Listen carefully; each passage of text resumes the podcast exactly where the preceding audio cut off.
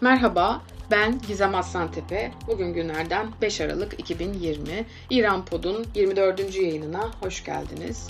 Bugün yayında 27 Kasım'da suikast sonucu hayatını kaybetmiş Fahrizade'yi ve suikastın düşündürdüklerini konuşacağız. Öncelikle Fahrizade kimdir sorusuyla başlamak istiyorum. Hakkında çok fazla bilgiye sahip olmadığımız Muhsin Fahrizade'nin İran'ın nükleer programının en önemli ismi olduğu bilinmekte.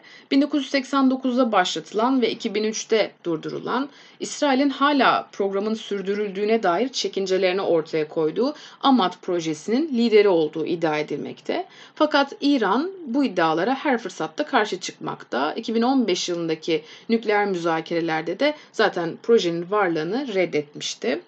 Fahrizade ayrıca eski bir devrim muhafızları ordusu mensubu ve dini lider Hamane'ye yakınlığıyla bilinmekte. Oldukça gizli ve korunaklı bir hayat sürmekteydi.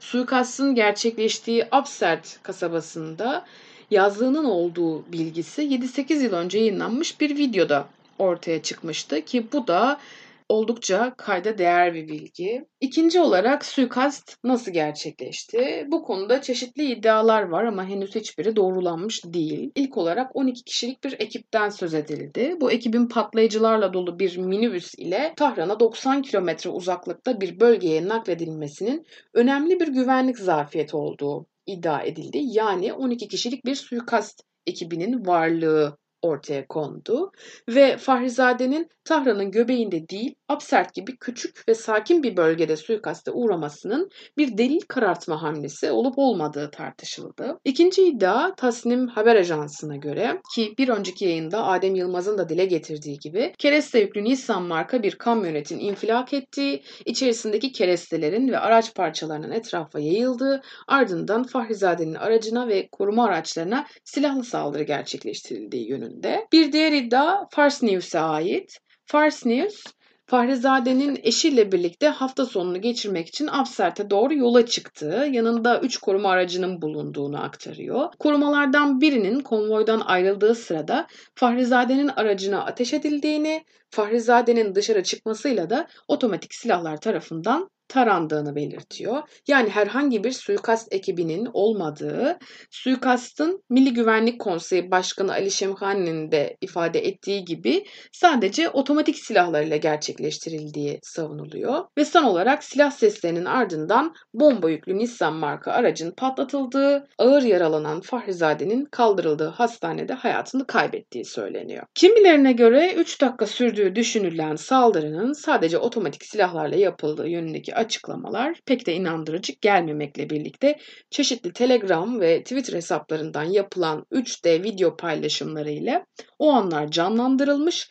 ve silahların hangi yönden ateş edildiğine dair çıkarımlar dahi yapılmıştır. Sonuç olarak dünya kamuoyu ile net bir bilgi paylaşılmamış. Suikast İran'daki güvenlik zafiyetini yeniden düşündürdü. Peki bunu düşündüren olaylar nelerdi? Şimdi bu soruya cevap arayalım.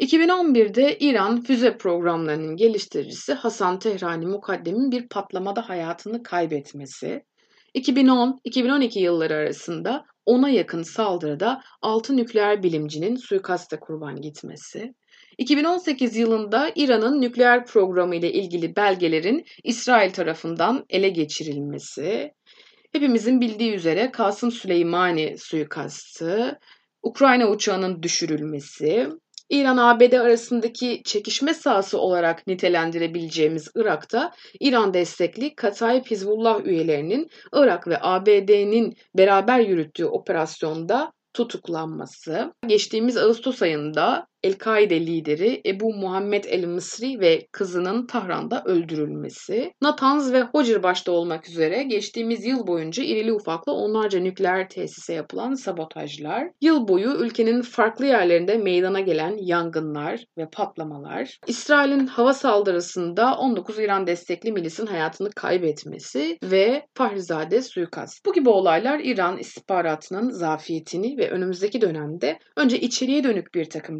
restorasyon ve tasfiye süreçlerinin başlatılacağını göstermekte. Son olarak İran bu suikaste nasıl bir tepki gösterecek? Bunun üzerinde duralım. E, suikaste dair ilk reaksiyonlar daha önceki yayında ele alınmıştı. Bu yayında daha genel bir çerçeve çizmeye çalışalım. Tahran yönetiminin ve devrim muhafızları ordusunun az önce sayılmış olan e, olaylar karşısında gösterdiği tepkiler genel olarak İsrail'e ve ABD'ye yönelik olmuştur. Özellikle Irak'a taşınan çatışmalarda ABD konvoylarına ki bunlar genelde ikmal konvoyu oluyor yapılan saldırılar bu gerginliğin bir sonucu olmuştur. Katayip Hizbullah'ın Kerkük'teki ABD askeri üssüne düzenlediği saldırı ABD'nin Irak'tan elçimizi çekeriz tehdidinde bulunmasına kadar varmıştır. Yani geçtiğimiz Ocak-Eylül ayı içerisinde İran destekli milislerin ABD üslerine düzenledikleri saldırıların sayısı 120 olarak verilmiştir. ABD'de Biden yönetiminin iktidara talip olması İran'ın da adımlarını daha kontrollü atmasına neden olmuştu. Ee, gelecek ekip ile yeni bir müzakere yapılması İran'ın içerisinde bulunduğu konjonktürü değiştirecek ve yaptırımların kaldırılmasını sağlayacaktı. Dolayısıyla geçtiğimiz günlerde dini lider Hamani'nin Şii milislere temkinli olun fakat harekete geçmeyin minvalindeki uyarıları bu politikanın bir sonucu olarak karşımıza çıkmaktadır. Ocak ayındaki devir teslime kadar ısrarla sabredileceğini belirten Tahran yönetimi için önümüzdeki süreç zorlu geçeceğe benziyor. Trump'ın görev süresinin bitimine kadar yeni bir hamle yapıp yapmayacağı öngörülemiyor. Fakat Natanz'a saldırı gerçekleştirmek istediği, bu isteğin Pentagon tarafından kabul edilmediği biliniyor. USS Nimitz uçak gemisinin Basra Körfezi'ne gönderilmesi iddiası bu noktada İran'ın tedirgin tedirgin eden bir başka gelişme. Süleymani'nin ölüm yıl dönümü yaklaşırken sular iyice ısınıyor diyebiliriz. Trump'ın dün itibariyle Irak'taki Amerikan diplomatlarını çekme planını açıklaması da bunun bir göstergesi. Suikastin ardından Tahran ve Kum'da gerçekleştirilen protestolardan birinde yer alan rehberimizi de öldürseniz vazgeçmeyeceğiz, nükleer programımızı geliştirmeye devam edeceğiz şeklindeki pankart suikaste bakışı özetler nitelikte. Bu noktada İran'ın intikam için gizli ve özellikle kilit bir konumda olmayan fakat hareketsiz de kalmadıklarını gösteren bir operasyon yürütmesi beklenebilir. Diğer taraftan Biden yönetimiyle gerçekleştirmeyi planladığı olası müzakereler sebebiyle daha ihtiyatlı davranması söz konusu olabilir ki bu yüksek bir ihtimal. Ee, her yönüyle önemli bir süreç bizleri bekliyor. Fakat İran'ın bu ihtiyatlı tutumunu sürdürürken ilk somut hamle olarak meclisten uranyumu en az %20 oranında zenginleştirme ve düşük düzeyli zenginleştirilmiş uranyum stoklarını arttırma kararını çıkarttığını da belirtmek gerekir. Bunun yanında Biden'ın İran ile nükleer anlaşmaya geri döneceğiz ancak bu zorlu olacak ve bölgede ihtiyacımız olan son şey nükleer kapasitenin artırılması şeklindeki açıklamaları da önümüzdeki sürece ışık tutmaktadır. Beni dinlediğiniz için teşekkürler. Bir sonraki yayında görüşmek üzere. Hoşçakalın.